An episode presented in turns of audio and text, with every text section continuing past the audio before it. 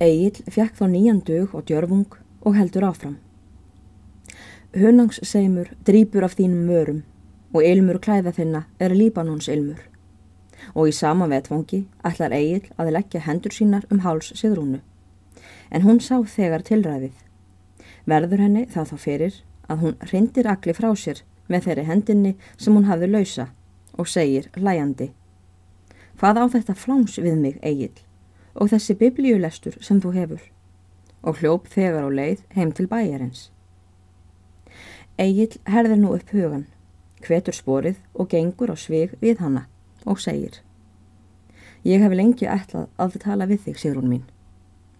Já, já, sagði Sigrún. Lýst þér ekki á mig, ha? Svona hvort tveggja og bæði, sagði Sigrún. Viltu þá ekki eiga mig, ha? Sagði Egil. Æ nei, hróið mitt, svaraði Sigrún. Fyrir hverju þá? sagði Egil og blingdi framann í Sigrúnu, eins og hann gæti með engu móti skilið í því að svo mætti vera. Fyrir hverju? átt Sigrún upp eftir honum. Fyrir hverju sem það er?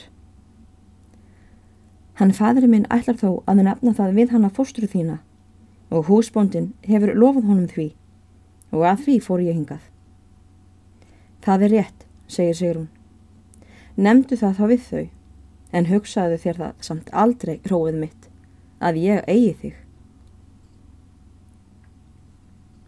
Þegar svo langt var komið talinu, voru þau Sigrún komin að baðstofuhorninu og tók Sigrún þá sprett mikinn og hljóp sem fætur tókuðu inn í bæ og upp á baðstofuloft og var þá kafrjóð í andliti. Af agli er það að segja að hann dundaði um stund fyrir ofan bæ og var í fyrstu harla óglaður og nagaði neglur. En síðan gekk hann burt og kom ekki baðstofu fyrir ennum háttatíma. Morgunin eftir reys hann snemma á rekju og var heldur fálátur þann dag en þá eru nokkuð frá leið, tók hann aftur kæti sína.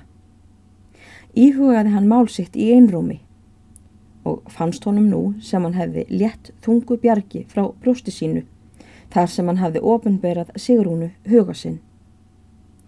Raunar virtist honum sem svör Sigrúnar hefðu ekki verið sem hlílegust, en á hinbógin gildi hann það fyrir sér að ekki væri með þessu öll von úti hefði hann á hertes getið að oft yrði það í kvonbænum að stúlkur tæki hvað mest að í fyrstu en yrði þó síðar leiðitamari en það fjalli ekki eig við fyrstu högg og yrðu menn að vera stöðugir í bæninni og óþreitanlegir.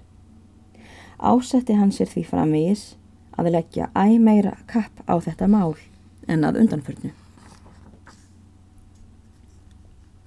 Þegar Sigrún kom í baðstofu eftir fundi þeirra Egils tók Þórtís brátt eftir því að fóstra hennar var ekki með öllu eins og hún átti að sér og að henni var í nokkru brúðið.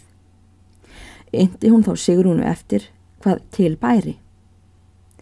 Sigrún let fátt yfir í fyrstu.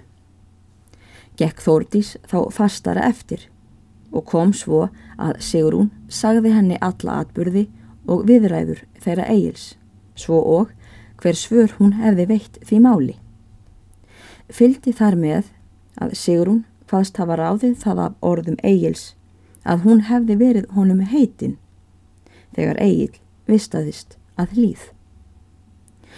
Þórdís hlíti frásögu Sigrúnar en er hún hætti máli sínu tekur Þórdís svo til orða. Nú hefur þú gjört vel, fóstra mín, að segja mér hinn sannasta af viðræðum ykkar eigils. Skiljum nú eftir á hvað undir hefur búið um það er hann jafnan hefur vanið komur sínar hingað inn í húsið og setið hér laungum. Svör þín fóstra mín þykja mér og hæfileg verið hafa.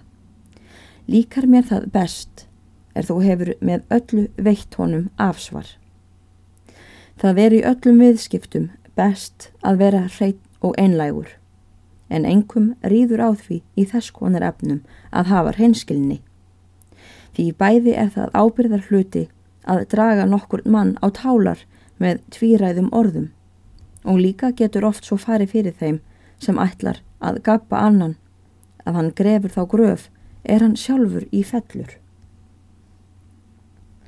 En það er þér skjótast af að segja um minn vilja í þessu máli að aldrei hefði sá ráðahagur orðið mér geðfældur, þó þú hefðir honum unað og myndi sá einn hlutur hafa skilið vináttu okkar.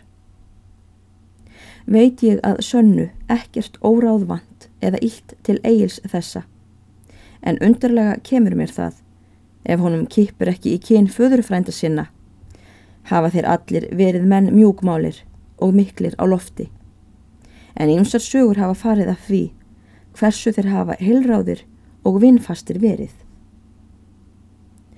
En þar sem þú hveðst hafa ráði það af orðum eigils, að það muni hafa verið gjört af ráði millum þeirra gríms og sigurðar bónda míns, að eigil skildi þín fá, þá kemur mér það kynlega fyrir ef bóndi minn hefur dölið mig þess og verði ég að komast eftir því. En hefði ég vitað að svo væri, skildi Egil aldrei hafa komið hér til vistar með mínu milja. Að þessu búnu léttu þar fórstur talinu og bað Hórdís Sigrúnu að láta sem fæsta menn vita viðtal þeirra eða bónorðs umleitan Egils.